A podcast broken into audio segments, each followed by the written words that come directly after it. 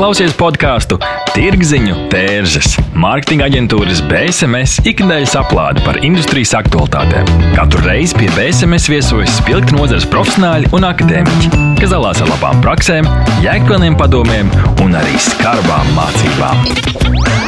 Aiziet! Šodien Tirziņu tērzes studijā Inta Buša un Denis Ševeļovs. Turpinām ar minisēriju ciklu par stratēģiem. Šoreiz par to, kā veidot sabiedrisko attiecību stratēģijas. Un 26. epizodes viesi ir Laima Zēmela, sabiedrisko attiecību aģentūras Golina Rīga vadītāja, ilgspējas eksperte ar vairāk nekā desmit gadu pieredzi Latvijas un starptautiskā mēroga projektu vadīšanā, un Vita Savicka, RSU docētāja, komunikācijas aģentūras Baltic Communication Partners vadītāja. Sveiki! Labdien! Labdien! Un pirmais jautājums, kā tas dīvaini no, mana, no manis neizklausītos, vai PR vēl ir dzīves? Protams, ka ir dzīves. Kur gan bez PR? Es domāju, ka varbūt mainās šo mm, nu, būtībā terminu nozīme, bet ja mēs ar PR saprotam strateģisku komunikāciju un plānotu komunikāciju, tad šai komunikācijai nozīme tikai aug, aug, un es pieļauju, ka tikai augs un augs. Laima. Es pilnībā piekrītu šim apgalvojumam. Es domāju, ka tā nozīme un loma ar vienu palielinās ikdienā. Un tas, kas ir svarīgi, jāņem, viņi transformējās transformējās, kā viņi, kā, ko mēs saprotam ar uh, sabiedriskajām attiecībām. Un, uh, tas ir jā, jāņem vērā. Un transformējās arī kanāli, kā mēs komunicējam sabiedriskajās attiecībās un kā mēs uh, sasniedzam savu auditoriju. Bet tas joprojām ir par to, ka mēs runājam ar auditoriju un par to, ka mēs klausāmies, ko auditorija saka. Tas uh, kā, palīdz zīmoliem, uzņēmumiem, veidot sarunu ar savu uh, svarīgo mērķa auditoriju, ar savām ietekmes pusēm. Sēžas kundze, jūs daudz stāstāt lekcijas, un arī gatavoties šīm epizodēm, jūs runājat par strateģisku komunikāciju. Tad Varētu vēlreiz pastāstīt. Jā, nu, tas ir interesanti, ka mainās būtībā arī šīs pieejas strateģiskai komunikācijai. Un, ja kādreiz šo komunikāciju saprata kā informācijas nodošanu, ka bija ļoti svarīgi piesaistīt uzmanību, tad nekur šis uzdevums nav zudis. Tas ir svarīgi tagad, bet ar to vien nepietiek. Pēc tam nāca jau klāt tas, ka ir jābūt patiesai, izvērstai, dziļai informācijai, piārā. Ja? Arī tas nekur nav pazudis. Tad nākošais, trešais vilnis bija par to, ka ir asimetriska komunikācija. Pa, Proti par to, ka, lai mēs ietekmētu cilvēkus, mums viņi ir jāpēta, jāzina, ko viņi domā, un tikai tad mēs šo vēstījumu varam sagatavot. Pēc tam nāca lielais ceturtais vilnis, kas bija ļoti ilgi aktuāls, un tā bija tā simetriskā komunikācija, kur runāja par to, ka vajag veidot konsensus ar sabiedrību, ka vajag skaidrot, ka vajag būvēt tiltus, bet, diemžēl, arī šis laiks ir aiz muguras, lai gan tas paliek. Tā tad nāk jaunas kārtas virsū, un šo laiku, par ko es runāju, to tā skaisti dēvē par modernismu periodu, šīs simetriskās attiecības, kas ļoti ilgi valdīja, ka mums ir jārunā ar sabiedrību un jāgūst no šī dialoga labums abām pusēm. Tad būtībā šodien tas jaunākais koncepts ir postmodernisms, kas nozīmē to, ka sabiedriskās attiecības ir līdzesošas visos uzņēmumu vadības procesos Un noteikti komunikācija nav kampaņveidīga, komunikācija ir visur esoša un vienmēr pastāvoša. Un varbūt no tām iepriekšējām pieejām, ar ko tad atšķirās šis postmodernisms, ir tas, ja, ja kā jau es teicu, nu, bija arī laiks, kad parādījās šīs asimetriskās mm, sabiedriskās attiecības, kad bija ļoti svarīgi izpētīt, ko citi domā, lai viņus ietekmētu tad šobrīd arī pastāv šī asimetrija, un tā netiek noliegta. Bet šobrīd galvenais uzdevums ir izzināt dažne dažādus viedokļus un ņemt viņus vērā. Un otrkārt, arī tas akcents mūsdienu strateģiskajā komunikācijā, ka šie viedokļi, arī negatīvie, arī noliedzošie, ir ļoti svarīgi, lai organizācija caur šiem viedokļiem, caur noliegumu, caur kritiku, kas ir vērsta pret viņu, varētu atrast pati labāko ceļu. Tātad būtībā ir zudis tas ideālisms, ko es gribētu teikt, ka sabiedriskās attiecības ir kaut kāda maģija, ka mēs kādam pateiksim, un tad visi darīs to, ko mēs vēlamies. Absolūti tā nav. Un tas būtībā ir tas ļoti sarežģītais, un to es visu nobeigšu, kādreiz mēs runājam, ka reizēm Tas bija senos laikos, kad mēs teicām, ka mēs sabiedriskajām attiecībām strādājot ar medijiem, reizēm šaujam kā ar lielu gabalu uz zvirbuļiem. Ja? Jā. Tad šobrīd uh, tomēr šajā komunikācijā ir tāds devētais bites efekts, ja? tātad bites koduma efekts, kad mums ir ļoti svarīgi saprast, kur to mazo dūrieniņu vajag, kad, kurā laikā un kur ir tie objekti, caur, caur, caur ko mēs kaut ko iedurot, varam sasniegt savus strateģiskos mērķus. Laima, kas ir PR 2021. gadā jūsu aģentūras skatījumā? Mūsu aģentūras skatījumā es teiktu, ka tas ir par to, ka mēs vairs nerunājam, kā jau minēju, ar, par tiešo ar vienu konkrētu mērķa auditoriju, bet mēs segmentējam. Tas, ko mēs darām, mēs klausāmies, ko runā tirgus, ko runā mūsu konkrētā klienta mērķa auditorija. Un tas, kas ir svarīgi, ka tas viss notiek datos balstīti, ar, ar ko mainījies, ļoti transformējies PR tieši pēdējā, es teiktu, piecgadē ar to, ka mēs vairs neesam tikai un vienīgi vēstījumu formētāji, bet mēs strādājam datos balstītos ne pieņēmumos, bet secinājumos, un, un no tā veidojam savus strateģiskos risinājumus. Līdz ar to tas, kas ir svarīgi, ir, ka mēs varam veidot jau tādu daudz plašāku un dziļāku stāstu, ko nodot auditorijām. Tas notiek arī ar to formu, ka mēs veidojam stāstu, ka mēs vairs nerunājam segmentēti ar konkrētiem vēstījumiem, kuri jānodod patiešo.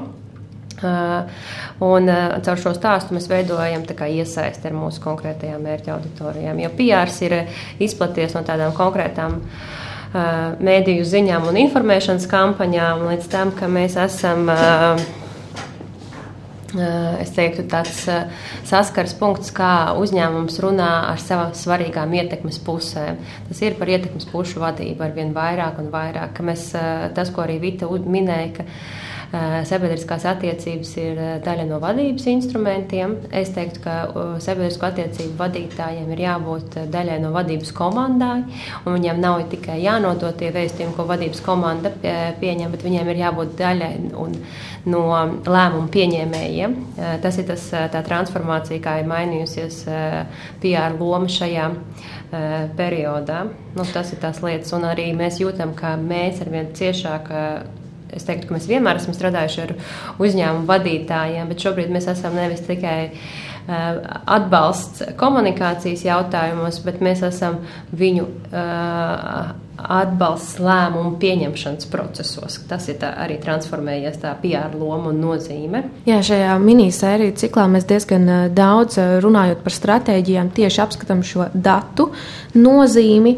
Tad jautājums tajā brīdī, kad uzņēmums um, grib izveidot šo stratēģiju priekš PR, vai ar to arī ir jāsāk? Ar datiem, vai ir kādas citas nianses, ar ko vajadzētu sākt. Un, respektīvi, kādi tad ir nākošie soļi, lai izveidotu tādu PR stratēģiju? Jā, protams, protams, viss sākās ar pētniecību, jo, ja nav pētniecības, tad mēs zinām ne ar ko runāt, ne kā runāt, ne ko darīt.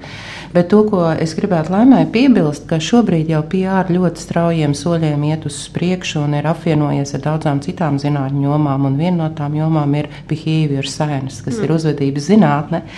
Un, piemēram, ja jūs runājat par stratēģijām, tad viņas arī var būt ļoti dažādas. Viņas varētu būt, lai sasniegtu kādus, piemēram, strateģiskos biznesa mērķus, bet tas, kas varbūt man ļoti interesē pēdējā laikā, tā ir uzvedības maiņas komunikācija, kas pēc būtības ir zinātnes un komunikācijas un vadības apvienojums apvienojams. Jo, piemēram, arī ļoti ilgi, un es domāju, ka pat šobrīd mums sabiedrībā eksistē mīti, ka cilvēku uzvedību var ietekmēt ar informēšanu un attieksmes maiņu. Bet to, vai mēs rīkojamies sev par labu, zinot, kas mums ir jādara, vai nē, to mēs varam katrs atbildēt pats sev. Un pēc būtības šobrīd jau tas, kas ir noticis tādā zinātnes un, es gribētu teikt, prakses jomā, un, un zinātnē ar praksi šobrīd ļoti apvienojās, jo ļoti daudzās lielās starptautiskās institūcijās strādā behavior scientists, viņi sauc, vai arī uzvedības maiņas komunikācijas speciālisti, kas nodarbojas ar ļoti specifiskiem pētījumiem, kādi ir uzvedības ietekmes faktori uz konkrētu uzvedību. Un tad, kad šie uzvedības ietekmes faktori ir noskaidroti, tad tiek veidoti dažne dažādi uzvedības prognozēšanas modeļi, kas pasaka priekšā pēc būtības kādi, vai tur ir jāietekmē normas, vai tur ir jāietekmē vērtības, vai ir jāveicina motivācija, vai ir jāveicina tā pati attieksme, kas neapšaubām ir daļa no uzvedības maiņas. Un pēc tam tādā ļoti strateģiskā veidā tiek izstrādāts tā dēvētās intervences. Un kas tad ir tās intervences? Mēs atkal šeit nonākam pie tā, par ko jau mēs šobrīd ar laimi runājam, ka intervences ietver organizācijas vadības noteiktas darbības, un tas ietver arī uzvedības komunikācijas vēstījumus, plus vēl nudžingu, kas nāk no uzvedības ekonomikas. Tātad mēs varam redzēt, ka īstenībā mūsdienu pasaulē kaut vai uzvedības maiņas komunikācija, tā ir zinātne plus radošais risinājums, un tas ir kaut kas pilnīgi jauns. Un, un, un tā zinātne, uz ko tad balstās šī zinātne? Manuprāt, tas ir kosmos, kas ir noticis būtībā tieši zinātnē, ko izmanto praktiķi.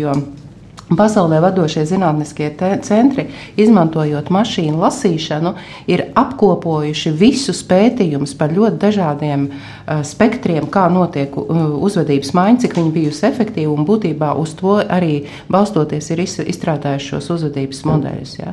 Tā tad uh, īstenībā man ir ļoti liels prieks, ka sabiedriskās attiecības, kas ir tagad nu, tādas ļoti plašas vai šauras, nu, kā uz to mēs skatāmies, ir kļuvusi par ļoti nozīmīgu jomu, kurā cieši sadarbojas zinātne un praktiķi.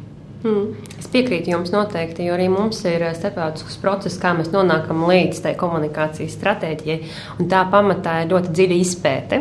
Uh, to, kas ir tie mūsu mērķi, kas ir mūsu mērķa auditorija, kādus vēstījumus eh, konkrētais klients vēlas nodot mērķa auditorijai, kas ir tas, kas viņiem ir, kādu rīcību viņi vēlas panākt. Tas, ko min arī Vita par to, ka tā paraduma maiņa ir ļoti būtiska, jo nepietiek ar to, ka mēs veicam eh, pirkumu tikai no tās mūsu komunikācijas vai patērētais veids pirkumu, bet tas nozīmē, ka mēs ietekmējam arī to, kā viņš domā, kā viņš izvēlās produktus, un tam visam jāiet ļoti dziļi kopā.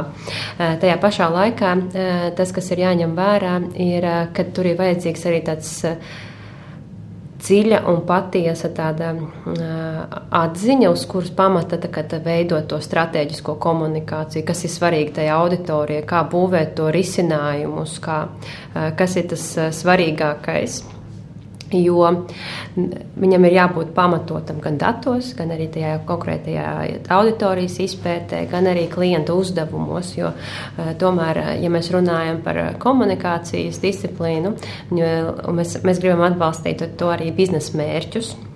Protams, ir arī valsts komunikācijas disciplīnas, bet tas ir pilnībā citi uzdevumi. Bet, ja mēs runājam par biznesa jomu šeit, tad mums ir jāatbalsta biznesa mērķi. Līdz ar to tas, ko mēs redzam, kad arvien vairāk komunikācija un komunikātori kļūst tajā lēmumu procesos, tiek iesaistīti, un viņi arvien vairāk palīdz cilvēku resursu departamentiem palīdzēt mainīt tos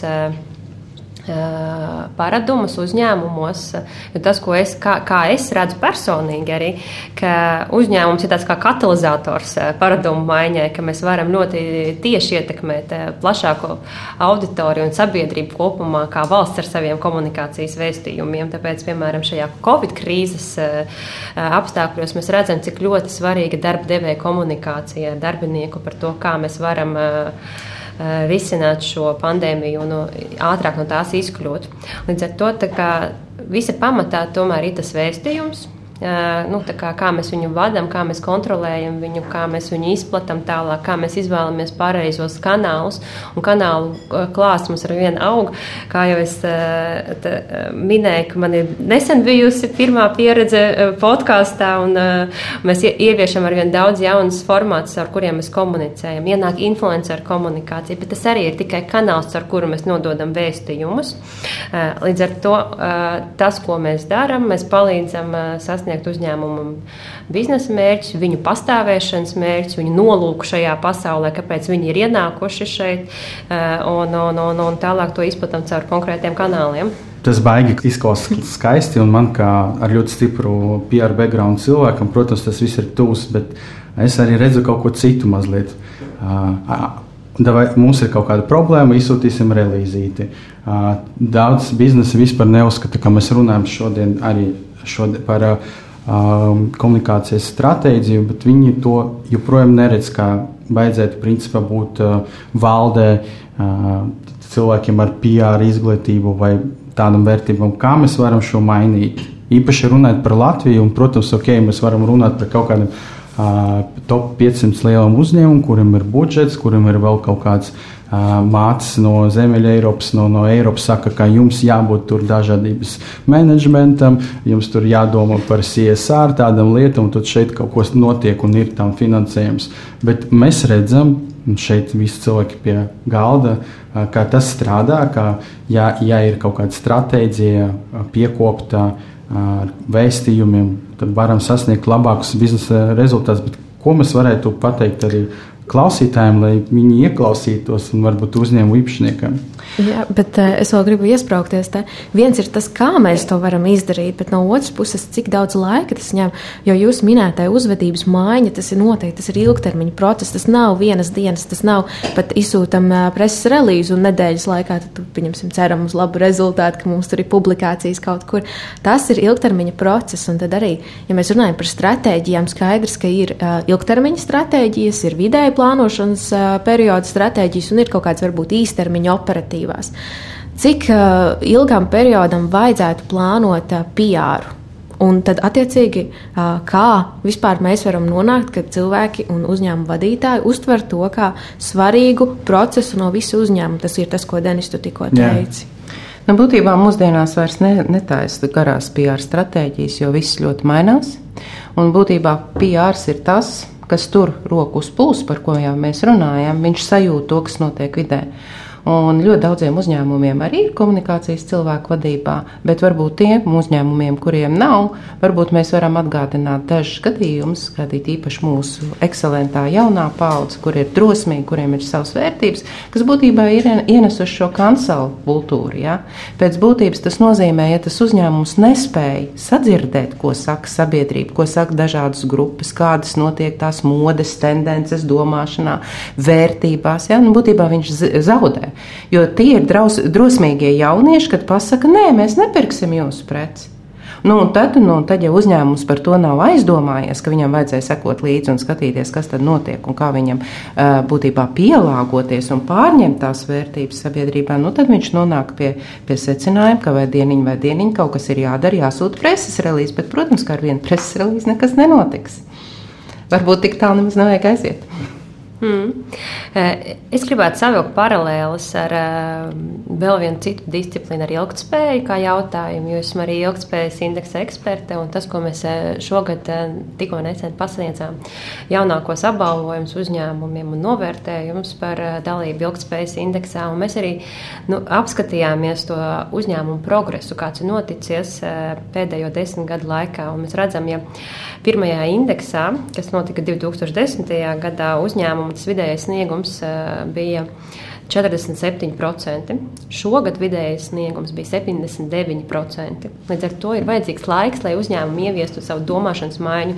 Jo pirms desmit gadiem mēs strādājām ar jautājumiem, lai stāstītu un skaidrotu, kas ir ilgspēja, šo sarežģīto vārdu, kuru neviens neustvēra un nesaprata. Tad šodien mēs strādājam ar to, kā mēs varam ieviest uh, ANO globālos ilgspējības mērķus, kā mēs varam ieviest uh, Eiropas Savienības uh, globālā uh, direktīvas un um, Un jautājums par uh, ilgspējīgām finanšu jautājumiem un uh, nefinanšu ziņošanu. Uh, līdz ar to tas ir laiks, tā ir investīcija. Protams, mums jādomā par to ilgtermiņu, bet tāda strateģiski tur ir vajadzīga tiešām tāda vidēja termiņa stratēģija un, protams, arī īstermiņa stratēģija ar taktiskajiem un operatīvajiem soļiem, lai varētu nonākt līdz tam lielajiem mērķim. Bet nu, komunikācijas cilvēkiem ir jābūt klāt, lai mēs nenovirzītos no kursa vai saprastu, kā mēs viņu varam pielāgot atbilstoši šodienas situācijai, ko Vita minēja par paudžu maiņu, kas ir ienākusi mūsu sabiedrībā. Ja līdz šim mums likās, ka tas notiek kaut kur tālu Amerikā, tad mēs jūtam, ka šodien tas ir aktīvi, aktuāls arī šeit pat Latvijā. Līdz ar to uh, tas, kā uzņēmumi varētu saprast, ka viņiem tas ir nepieciešams un ka viena relīze neizglābs viņu reputāciju, ir jādomā par to, ka reputācija ir jāveido mm, ilgtermiņā, jādomā, un, bet sagraut viņu var izdarīt ar vienu tvītu. Jā, es vienkārši tā klausos un smaidu. Kad Laima runāja, jo es atceros 2002. gadu, kad es strādāju ANO attīstības programmā Latvijā, un tas bija gads, kad mēs ieviesām ANO mm, globālo kompaktu, tātad globālo vienošanos, un ziniet, cik tad bija uzņēmumi šajā vienošanās? Man liekas, 16, ne vairāk ar lielām pūlēm. Un kā, kā mēs īstenībā šo 10, 20 gadu laikā esam cik tālu aizgājuši un, un attīstījušies. Tā kā būtībā arī šī ideja, šī ilgspējas ideja Latvijā ir eh, ļoti tālu aizgājusi, bet tam ir bijis vajadzīgs liels laiks. Jā. Un tas ir tāds, eh, daļa no tā strateģiskā vadības instrumenta, gan ilgspējas eh, jautājumu integrēšana uzņēmuma darbībā visos virzienos, kas ir gan tirgus attiecība, kur komunikācija svarīga sastāvdaļa, gan darba darba vide, kur komunikācija ir svarīga sastāvdaļa, gan uh, arī uh, sabiedrības iesaiste, uh, kur ir svarīga komunikācija, nu, arī vidas jautājumi un stratēģijas jautājumi. Tur arī ir svarīga komunikācija. Tā kā, tas ir tā pamatā par to, kā mēs runājam un kā mēs stāstam, kā mēs informējam savus ietekmes puses, kā mēs. Uh, kā mēs ejam uz tiem lielajiem mērķiem, caur runāšanu, un darīšanu, un stāstīšanu, informēšanu, izskaidrošanu. Tā, tā. No lielām globālām strateģiskām lietām vairāk pie praktiskām. Mediji paliek ar vien neatkarīgi un mazāki Latvijā. Kāda ir PR loma? Par šo mēs noskaidrosim pēc neliela pārtraukumā. BSMS tas ir zīmola pārdošanas un mārketinga atbalsts, stratēģijas, satura un menedžmenta pieredze kopš 1999. gada. BSMS nodrošina radošas, tradicionālas un digitālās pārdošanas veicināšanas kampaņas un konsultācijas. Apmeklē mūsu mājaslapu www.bsms.lv un uzzini vairāk! Okay, tā ir realitāte. Es nesen uh, vienam ārzemju klientam ska skaidroju, ka mēs esam mazāk nekā divi miljoni. Uh, ka mums ir varbūt trade mēdījos, kas ir saistīts ar pārdošanu, tikai viens žurnāls, un vispār ir pārsteigums, ka tāds pastāv, ka mums ir desmit žurnāli. Tad man, kā konsultantam, zvanīja dažādas. Maģistru un bakalaura studiju studenti gribēja manu ekspertu viedokli par sieviešu tēlu, vīriešu žurnālus, un es skaidroju, ka mums tas viens žurnāls palika, bija agrāk trīs.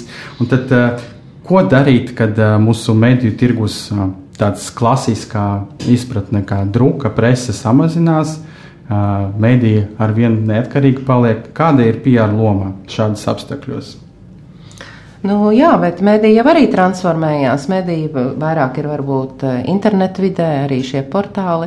Es domāju, ka mediju loma saglabāsies, jo neapšaubām viņi izpild vienu funkciju, ko nespēja izpildīt neviens cits kanāls, to ir sociālajie mediji, kas ir ļoti ietekmīgi un, un plaši lietot un tā tālāk.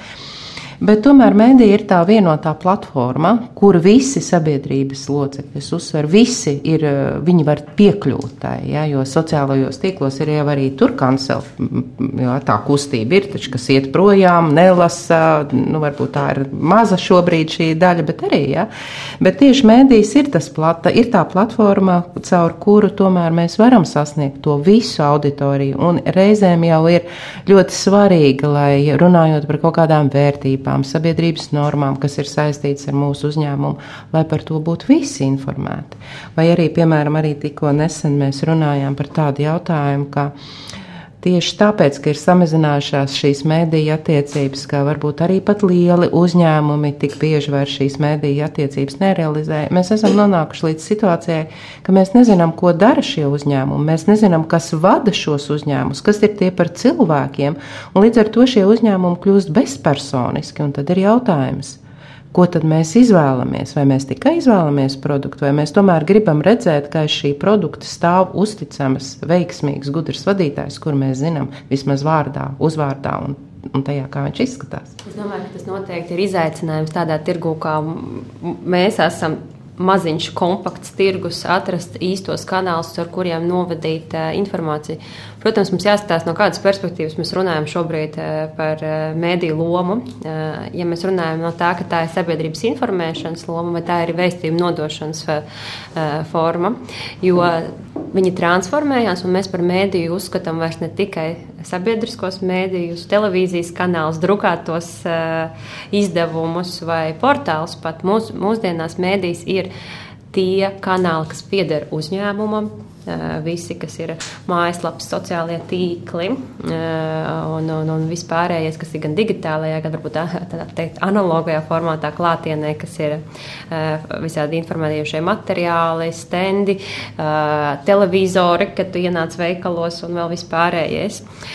Un, protams, ir tie nopelnītie mēdīji, kur mēs tad ejam ar to klasisko tra tradicionālo preses relīzi, interviju, viedokļu rakstu caur kuriem mēs izējām un, un saprotam, ka tas lauciņš atkal kļūst par vien, ar vien šaurāks. Nu, jo mm -hmm. uh, valsts mēdīji ir izgājuši no reklāmas tirgus, uh, tur komunicēt, ja mēs runājam par mārketingu, ir ierobežotas iespējas, un arī uh, ziņu dienestu vadītāji ar vien kritiskāk izskata, uz, izskata ziņas, kuras tiek uh, piegādātas no PR puses uh, priekš viņiem un kļūst ar vien kritiskāki pret to saturu. Un viņiem interesē tikai un vienīgi tāds, kurš ir tāds nacionāla mēroga saturs, ne mārketinga aktivitātes, ar vien mazāk tiek at, uh, atspoguļotas. Un, protams, ka vēl viens tāds svarīgs kanāls, ar kuru mēs tagad arī esam skatāmies un komunicējam, nu, tie ir tie influenceri. Un, un, un uh, dažādi blogeri un dažādās platformās, vai nu tas ir Instagram, Facebook, TikTok, uh, Snapchat un vēl viss iespējamais, ar kuriem mēs varam komunicēt. Līdz ar to tā digitālo ka kanālu paplašināšanās maina to veidu, kā mēs uztveram, kas mūsdienās ir mēdījis arī PR komunikācijai. Jā, bet ja mēs turpinām no tādas praktiskās puses, realitātē, protams, PR ir viens no rīkiem, lai sasniegtu uzņēmēju darbības mērķus, tātad šis atbalsta rīks. Un tad, kas notiek uzņēmumam, visticamāk, ir nevis viena aģentūra, bet, teiksim, piecas vai desmit aģentūras, kura katra nodrošina kaut kādu funkciju. Nemaz nerunājot par citām iesaistītajām pusēm, ko mēs arī šeit minam, influenceri, mēdīji, kas tiek nopirkt un tā tālāk. Tad, tad tas, tas apjoms ar iesaistītajām pusēm beigu beigās ir diezgan liels. Protams, tas ir arī atkarīgs no uzņēmuma lieluma. Kā sadarboties visām iesaistītajām pusēm, lai visi pilnīgi skaidri zinātu, ok, šis ir mērķis, kas mums kopā ir jāsasniedz. Kā apmainīties ar to informāciju? Tas, man liekas, ir pasūtītāji šīs komunikācijas vadības jautājums. Uh, nu, šajā gadījumā nu, kādam ir jātur šie, roki, šie groži rokās, un tas jāvada. Bet klausoties to, ko stāstīja Laima, es pierakstīju divus vārdus Vismaz manos personiskajos akadēmiskajos pētījumos, kas ir tapuši pēdējo divu gadu laikā, parādās ļoti interesanta tendence. Tieši pateicoties tam, ka šo kanālu ir ļoti daudz un informācijas ir ļoti daudz, mēs dzīvojam pār, pārlādētā informatīvajā vidē. Un varētu domāt, ka mums vajag vienkāršot, vienkāršot informāciju, pateikt ātrāk, skaidrāk, vizualizētāk un tā tālāk. Tas, protams, paliek, bet parādās ļoti interesanta tendence, ka cilvēki augst detalizācijas, loģiskos skaidrojumus un racionālos izskaidrojumus. Tas ir fenomens, kas, manuprāt, tāds, nu, man tās likās tāds liels atklājums Latvijā, ko starp citu stāsta ļoti daudz arī jaunieši, studenti. Viņi saka, ka viņiem informācijas ir par maz, ka viņus nogurdina šī nemitīgā virspusējā informācija, kas tiek dota. Jo, protams, arī šai informācijai mēs saprotam, ir savu mērķi piesaistīt uzmanību, bet mēs nedrīkstam palikt tikai informācijas eh, līmenī, kas piesaista uzmanību vai iedod kaut kādus pamatpunktus. Kaut jo tomēr, jā, jo tomēr, protams, ir viena daļa, kā mēs zinām, ir dažādi uzsver, uz, uztveres ceļi un tā tālāk. Vienai daļai informācijas, vienai daļai sabiedrības ar to pietiek, bet pēc maniem pētījumiem ļoti aug otra daļa. Tas ir pozitīvi vērtējums. Jā, es domāju, ka jā, bet nu, tas arī parāda to, ka nu, tas būtībā parāda tās tendences, kā sabiedrība reaģē uz informācijas un kanālu pārbagātību. Ja, kad viņi vienkārši sāk domāt, ko tad viņi patiešām vēlās zināt, un kuras ir tās ziņas, kurām viņi pievērsīs nu, būtībā garām ejošu uzmanību. Es piekrītu noteikti, jo ja par datu vizualizāciju un satura vizualizāciju mēs runājām jau pirms vairākiem gadiem. Šobrīd tas ir par to, ka mums jārada tiešām svarīgu un noderīgu saturu tām auditorijām. Un tas ir par to, ko mēs runājām sākumā, ka ir svarīgi apzināt, kas ir tās uzņēmuma ietekmes puses un kas viņiem ir tie svarīgie jautājumi un kā mēs varam viņus iesaistīt. Tas ir tas iesaists jautājums arī par to, lai mēs varētu atbildēt uz šīm vajadzībām, kas ir šīm auditorijām. Mums viņas ir jāpēta mums viņas jāiesaist. Ir. Okay. Un noslēdzot mūsu epizodē, es uh, abus uh, viesus aicinu atbildēt uz vienu jautājumu, ko mēs jautājam visiem minisērijas uh, viesiem. Vai Latvijas zīmola zina, kur viņi vēlas būt pēc pieciem gadiem? Savickas kundze. Es domāju, ka ļoti dažādi. Ir zīmoli, kas to ļoti labi apzinās, kas uz to mērķtiecīgi iet. Varbūt ir daži zīmoli, kas, kas arī ļoti šaubās šajā laikā, un kas ir diezgan dabiski, vai ne? Jo tā vide ir tik mainīga, kas varbūt meklē to ceļu. Nu, tas, ko es varētu teikt, ka varbūt viņiem šie ceļa meklējumos būtu vieglāk, ja viņi uzrunātu PR cilvēkus un ņemtu viņus talkā. Jā, jā, ļoti labs secinājums. Ir. Eh, es piekrītu, un tas, kas man ir svarīgi, man šķiet, ir, ka Šobrīd eh, uzņēmumi, kā jau es minēju, tos ilgspējas indeksa rādītājs, ka viņi, viņi jau ir uzzīmējuši to karti, kur viņi grib aiziet. Šobrīd viņi ir meklējumos, varbūt tās, kā to izdarīt eh, un eh, kā to ieviest dzīvē. Jo lielie Latvijas uzņēmumi, viņiem ir pat valsts uzdevums un, kā, un nozares aktivizējās, kopā sakārtojās un saliek tos savus uzdevumus, kā grib attīstīties. Eiropas Savienība nosaka mums, kā mums ir jāattīstās, kā mums ir jāskatās uz to savu uzņēmējdarbību. Un tā ilgtermiņa domāšana, klimata pārmaiņas, tās arvien vairāk mums liek domāt par to, kur mēs būsim pēc nevis tikai nākamā gada ar saviem peļņas rādītājiem, bet kur mēs būsim arī pēc pieciem gadiem ar saviem peļņas rādītājiem un kādu ietekmi uz sabiedrību, uz dabu, vidi mēs atstāsim ar to visus. Un, Es, es noteikti ticu, ka liela daļa jau zina, kur viņi vēlas iet. Tie, kas ienāk jauni spēlētāji, tirgu, jauni uzņēmumi, kas radās, man šķiet, ka tas veids, kā viņi radās ar lielāku informācijas zināšanu, kā veidojās uzņēmumi, jo arī jo mums tā uzņēmējdarbības vide ir attīstījusies jau 20 gadu laikā, vairāk nekā 20 gadu laikā kopš uh, otrās neatkarības. Līdz ar to viņi ir stabilisies. Mēs nevis tikai strādājam, lai nopelnītu, bet mēs strādājam, lai, piemēram, uh, nezinu, kafejnīca, lai pabarotu garšīgi mūsu klientus.